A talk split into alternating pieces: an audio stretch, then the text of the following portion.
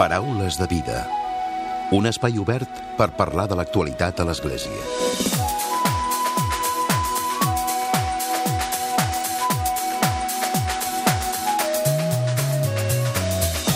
Què tal? Salutacions i molt bon dia, molt bon diumenge. Càritas Catalunya ha presentat recentment la seva memòria anual corresponent a l'any 2016 i les dades continuen sent molt preocupants per l'impacte negatiu que tenen a la nostra societat. D'aquestes xifres destaca que quasi el 40% de les persones no tenen una llar digna.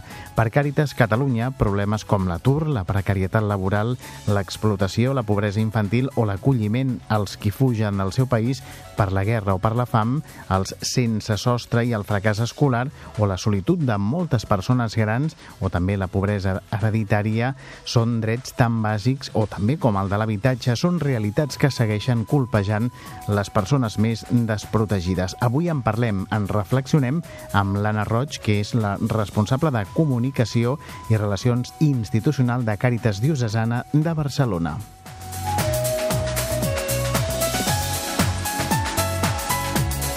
I avui també parlarem amb l'Àngel Rodríguez, ell és periodista i acaba de publicar a través del Centre de Pastoral Litúrgica un quadern amb el títol Fra Dalmau Moner, amb, amb olor a santedat. Es tracta d'un llibre de quaderns de la col·lecció Sants i Santes que edita el Centre de Pastoral Litúrgica. Està dedicat a un sant nascut a finals del segle XIII, que avui més que mai cobra vida com amb un món que està envoltat de soroll.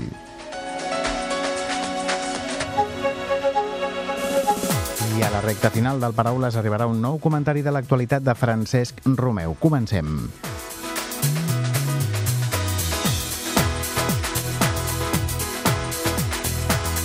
I saludem l'Anna Roig. Molt bon dia i benvinguda al Paraules de Vida, Anna. Hola, bon dia, Emili. Heu presentat aquesta memòria anual de l'any passat i una de les xifres, la, la que destacàvem nosaltres a la portada, el 40% de les persones no tenen una llar digna. 40%. Sí, la veritat és que és molt, és més un 9% respecte a l'any passat. Són persones que, què vol dir, no? No viure en una llar digna vol dir que són persones o que viuen ocupades o que viuen en acollides sense pagar o que viuen en habitacions de relloguer o que no tenen habitatge o que viuen gràcies a una entitat social. Per tant, són cinc maneres de, de veure aquesta no dignitat a la llar i, i amb el que això suposa, no? Jo crec que tots eh, sabem de la importància que és eh, ara que ho escoltem no? a les 5 i mitja o del matí, saber que tenim un sostre que ens està acollint, que ens està protegint del fred, que, en el qual podem somiar, en el qual podem fer el nostre projecte vital, doncs el 40% de les persones que tenem no té aquest sostre, aquesta llar que els hi permeti projectar un futur esperançador. Uh -huh. Les característiques de les persones eh, amb problemes, les persones vulnerables a la societat, han anat creixent en aquests últims anys, Anna?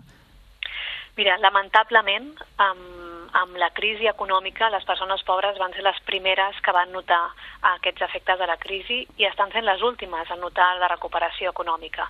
És cert i ens en alegrem de que hi ha um, elements macroeconòmics i indicadors que ens estan mostrant que, que hi ha una recuperació econòmica, però realment les persones vulnerables no els estan notant. No? Nosaltres uh, tenim molt clar i diem que la crisi no ha passat pels pobres, la crisi s'ha instal·lat a les seves vides.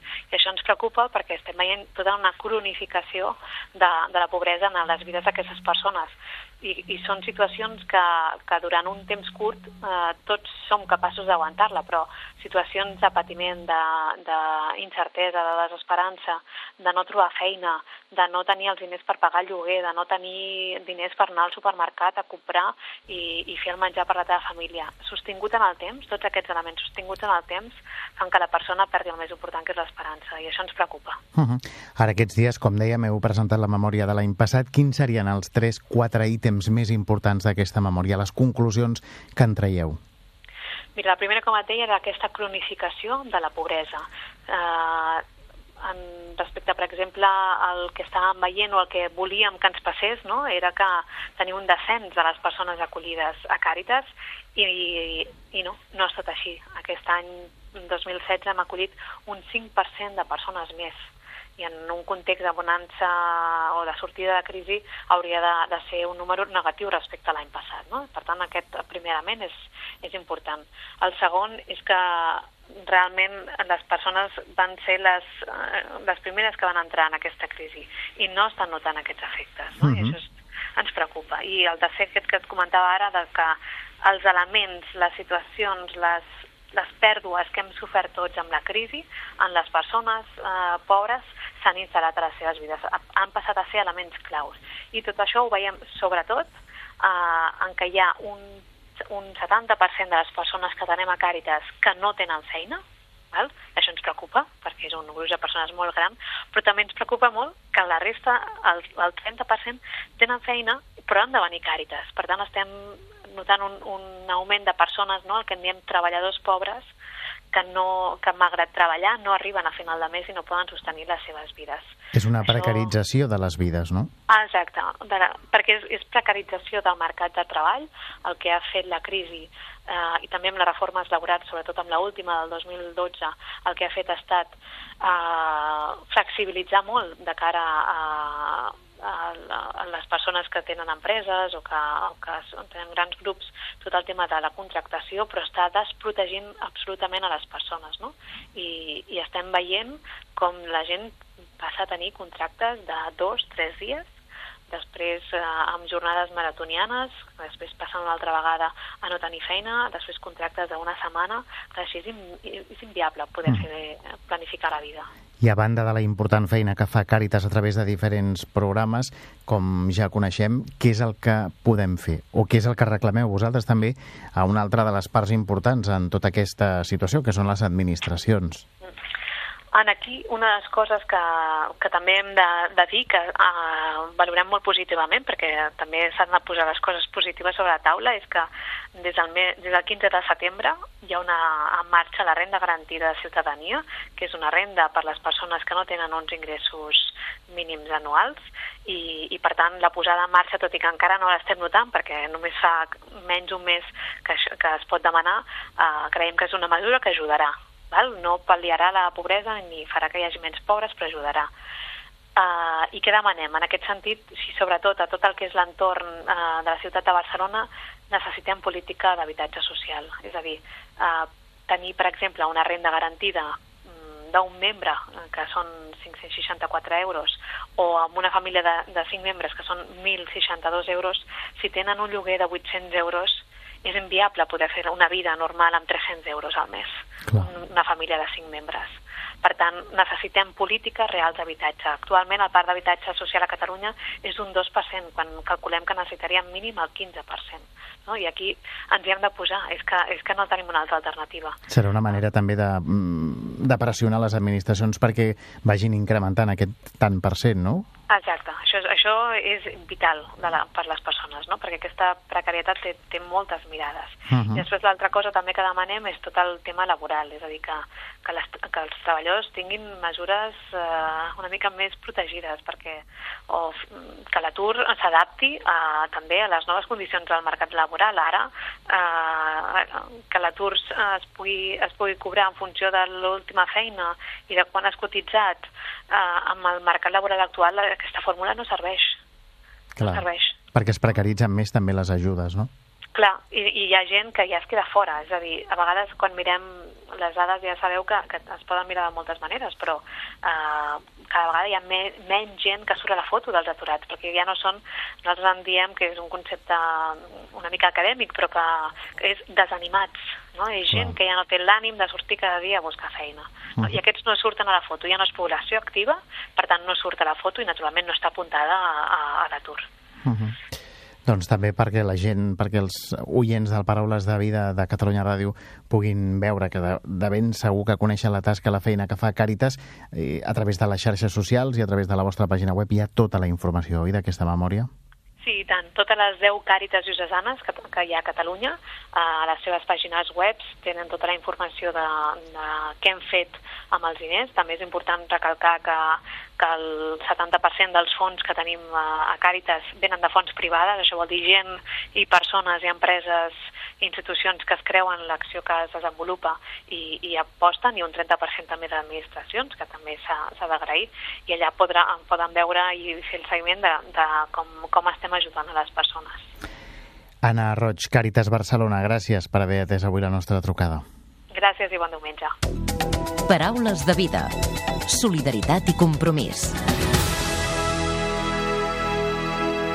Ho dèiem a la nostra portada, avui ens acompanya al Paraules de Vida el periodista Àngel Rodríguez per parlar del seu llibret Fradalmau Moner, amb olor a santedat. És un llibret editat pel Centre de Pastoral Litúrgica i avui volem conèixer de què ens parla concretament. Àngel, bon dia i benvingut. Hola, bon dia, Emili. Gràcies per, per l'entrevista. Gràcies a tu. Qui era Fra Dalmau Moner? Bé, Fra Dalmau Moner podríem dir que és una persona que no se li ha reconegut prou els mèrits, eh, si més no, a la diòcesi de Girona.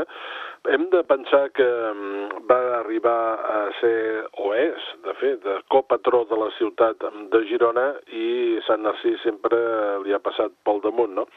Però Dalmau Moner, per exemple, va ser una persona nascuda a Santa Cloma de Farners l'any 1291, per tant estem parlant de finals del segle XIII, i va morir a l'edat de 50 anys, 50 anys, el 1341.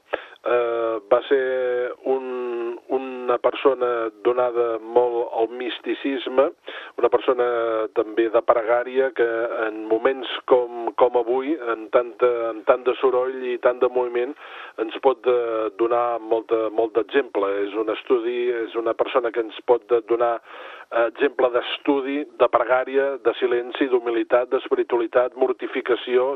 Jo el definiria sota aquests trets fonamentals del Mau Moner. Per tant, diguéssim que una persona eh, dedicada a la vida interior, no? I a, i a... Molta vida interior. Uh -huh. uh, ell uh, sabem molt poca cosa de la seva infància.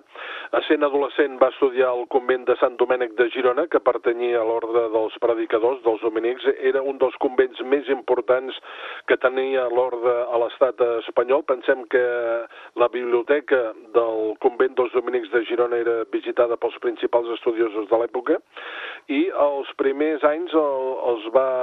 Sembla ser que als 16 anys hauria professat com a dominic i els primers anys els va passar de forma itinerant en els diferents convents que tenien els dominics. Va ser professor de lògica a Tarragona eh, i de gramàtica a la Seu d'Urgell, va estudiar també filosofia a València i llavors el tenien molt com a cofundador, l'ordre el tenia com a cofundador de, de comunitats. Per exemple, a Castelló d'Empúries hi havia una comunitat que ell va confundar. També va organitzar les que recentment s'havien creat a Manresa, Cervera, Balaguer i eh, es calcula que entre el 1319 i 1320 hauria estudiat també eh, teologia eh, a Barcelona, al convent de Santa Caterina, i també va estar estudiant eh, a Montpellier. Després, si vols, t'explico com va seguir la seva, una mica la seva vida. Sí, i tant. Uh -huh. Després va tornar al convent de Girona per passar els seus darrers 10 anys i va ser el, el més destacat de, de, la seva, de la seva vida. Hi va haver-hi un interval, un breu interval a la cova de Santa Magdalena de la Provença, a França, ja saps que existeix la tradició, la, la llegenda de que Maria Magdalena va fugir conjuntament amb altres cristians en barca des d'Israel de, des i que van anar a parar a la Provença i després a Magdalena, a Santa Magdalena, doncs va viure en una cova, eh, es venera a la Provença la tomba de Santa Magdalena i també es diu que en aquella zona hi hauria estat el Sant Grial. Doncs bé, ell va estar eh, molt poc eh, a la cova de Santa Magdalena per viure de forma eremítica eh, els de l'ordre dels dominics de Girona li varen demanar que tornés eh, al convent i ell va dir, doncs bé, jo torno, però amb una excepció, que em deixeu viure en una cova eh, els meus últims anys aquí eh, al convent de Girona. I va ser així, va viure d'una manera que avui ens pot sorprendre molt, perquè aquests últims 10 anys de, de, de Fra Dalmau Moner doncs eh, era increïble, no? no menjava mai carn, només quan es trobava malalt i per obediència dels seus superiors, i les seves menges preferides, per exemple, eren els llegums cuits, com per exemple mongetes, genties, pèsols, però no t'ho perdis, eh, els volia freds. Eh, també s'alimentava d'arrels de cols poc bullides i quan hi havia sopa o escudella demanava que no li servissin calenta. O sigui que ara imagina't tu prendre una escudella freda, el mal gust que pot tenir, ah, no? És a dir, que allò que ara està àngel de moda, com per exemple ser vegetarià o ser vegà, ells ja ho practicaven al seu sí, temps. Sí, sí, sí, sí. I si en alguna ocasió la comunitat cuinava un plat saborós, doncs ell s'hi posava aigua, diu això les seves cròniques. Eh? De fet, eh, és molt interessant perquè la biografia de Dalmau Moner eh, pot ser bastant llegendària, eh, algú pot dir-ho, però eh, hem de tenir en compte que la va escriure eh, Nicolau Eimeric, que va ser un dels seus alumnes. Nicolau Eimeric eh, doncs, eh, va ser membre de l'Inquisició, eh, va ser famós per això, però va ser alumne, deixeble de Dalmau Moner. Per tant, Nicolau Aymeric, eh, que va néixer el 1320 i va morir el 1399, va conèixer de prop Dalmau Moner. Per tant, totes aquestes coses de d'aquesta mortificació de, del Mau Moner ens la podem creure, perquè ell, ell ho va viure. Eh, per exemple, eh, ell, eh, no, ell eh, menjava ous i com a molt peix i, i després dormia també eh, amb un llit eh, ben estret. O sigui que eh, és molt, molt interessant això i, i els últims temps que els va passar a la cova, eh, la seva mortificació encara va ser molt més, molt més forta, no? Uh -huh. Àngel, i tot i ser una persona, com deia, molt austera, que tenia o que practicava d'ús dejunis, també abstinències, com dius tu ara amb el menjar, amb el vestir. Tot i així, el llibret ens el defineix com una persona de rostre alegre, de mirada brillant i de, doncs això, no? amb una certa ironia també. Suposo que té, tenia el seu punt màxim d'intel·ligència no? amb, amb, amb, amb aquesta vida austera. Sí, sí, sí, era una persona fins i tot que eh, jo vaig intentar des del CPL, des del Centre de Pastoral Litúrgica, que la iconografia, el dibuix que em fessin del sant eh, fos acompanyat d'un àngel, no? Perquè eh, Fra Dalmau Moner eh, sembla ser que tenia contacte amb el seu àngel de la guarda i que l'acompanyava sempre, sobretot quan va estar a la cova de Santa Magdalena a la Provença i després també a la cova de Girona i, i llavors eh, eh, la gent que coneixia del Mau Moner, perquè del Mau Moner sortia també del monestir, del monestir a demanar caritat, i també, eh, esclar, la gent l'apreciava molt, Sant Dalmau Moner, i conversava, i li deien l'home que parlava amb l'àngel, perquè a vegades parlava sol, quan caminava parlava sol. Eh, no sabem si resava o, o tal, no? I llavors li deien, mira, el sant que parla amb l'àngel, el definien d'aquesta de, manera. Dalmau Moner, a part, tenia, que aquí en el llibre m'ha interessat eh, dir-ho, també, eh, llocs propis que ell havia estat, i és molt maco, per exemple, etnogràficament anar-los a descobrir. Per exemple, eh, ell tenia, a part de la cova del convent, altres llocs on hi passava estones llargues en pregària i, i contemplació. Un d'aquests llocs és a Castellà de la Selva, que és a prop de, de la ciutat de Girona, al municipi de Quart. Allà meditava al costat d'una font que els veïns eh, la van batejar com la font de Sant Dalmau i que encara avui rep la visita dels senderistes.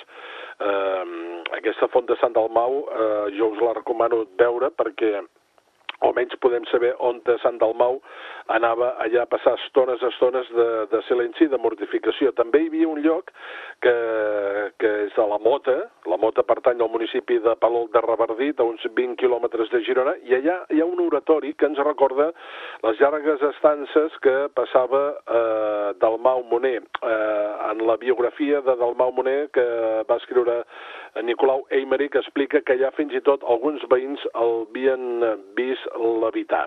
Doncs i per acabar, Àngel, hem de recordar que aquest és el quart quadern que, que publiques dintre de la col·lecció del CPL, del Centre de Pastoral Litúrgica de Sants i Santes. En aquest cas havies fet altres que estaven dedicades a Sant Narcís, també a Sant Mer i a Sant Ferriol.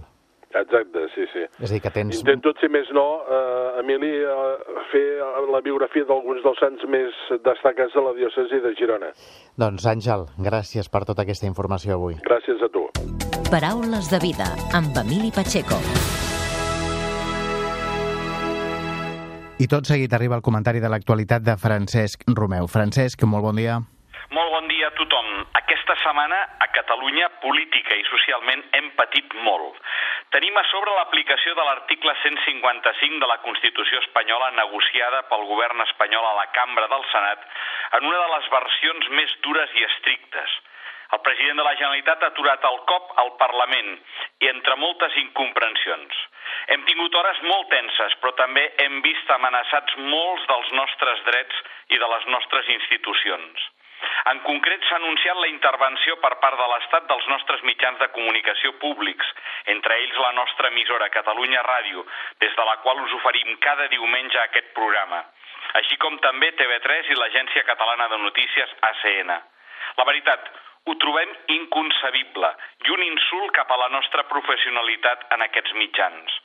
No podem ser intervinguts de cap manera. Més encara, quan nosaltres ens hem mogut sempre amb una total i absoluta llibertat i no hem fet res sota el dictat de ningú.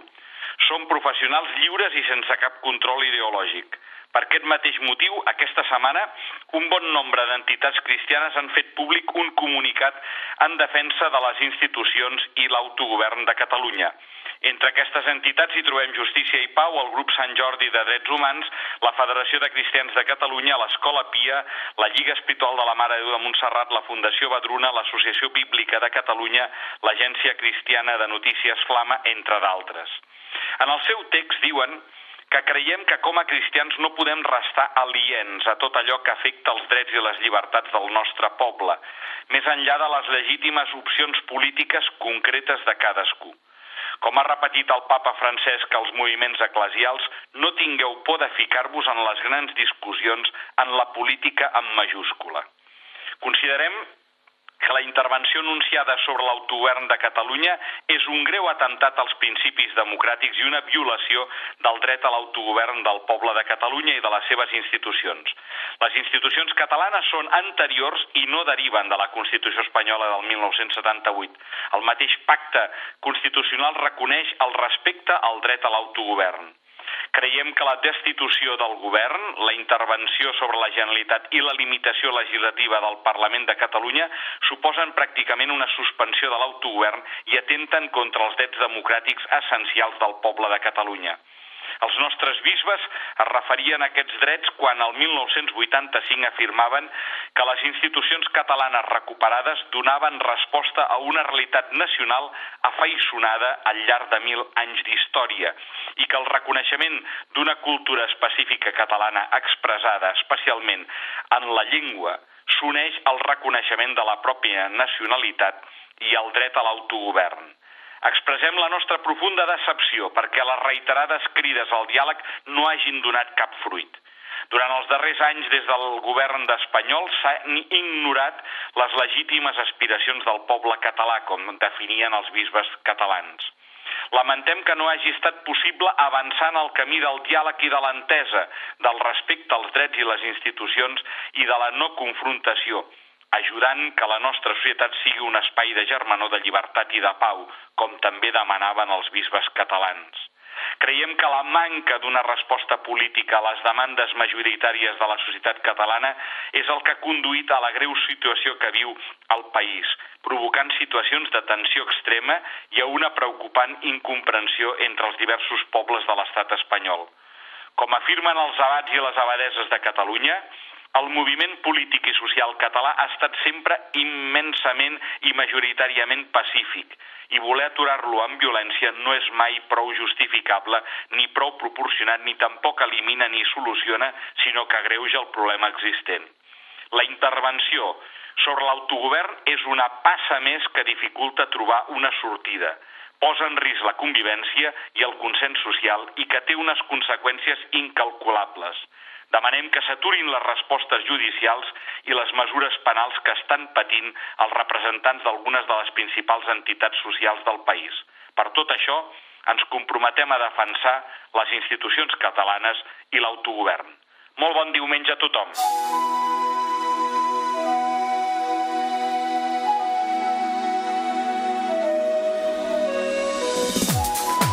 Fins aquí el Paraules de Vida d'aquesta setmana, d'aquest diumenge. En Ricard Portal ha estat el control tècnic i qui us ha parlat l'Emili Pacheco. Que passeu bon diumenge i una molt bona setmana.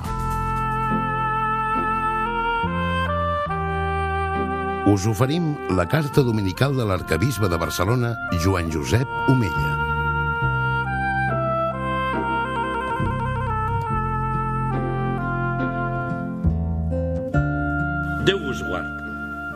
Els dos primers dies de novembre ens ajuden a tenir un moment de record pels nostres avantpassats.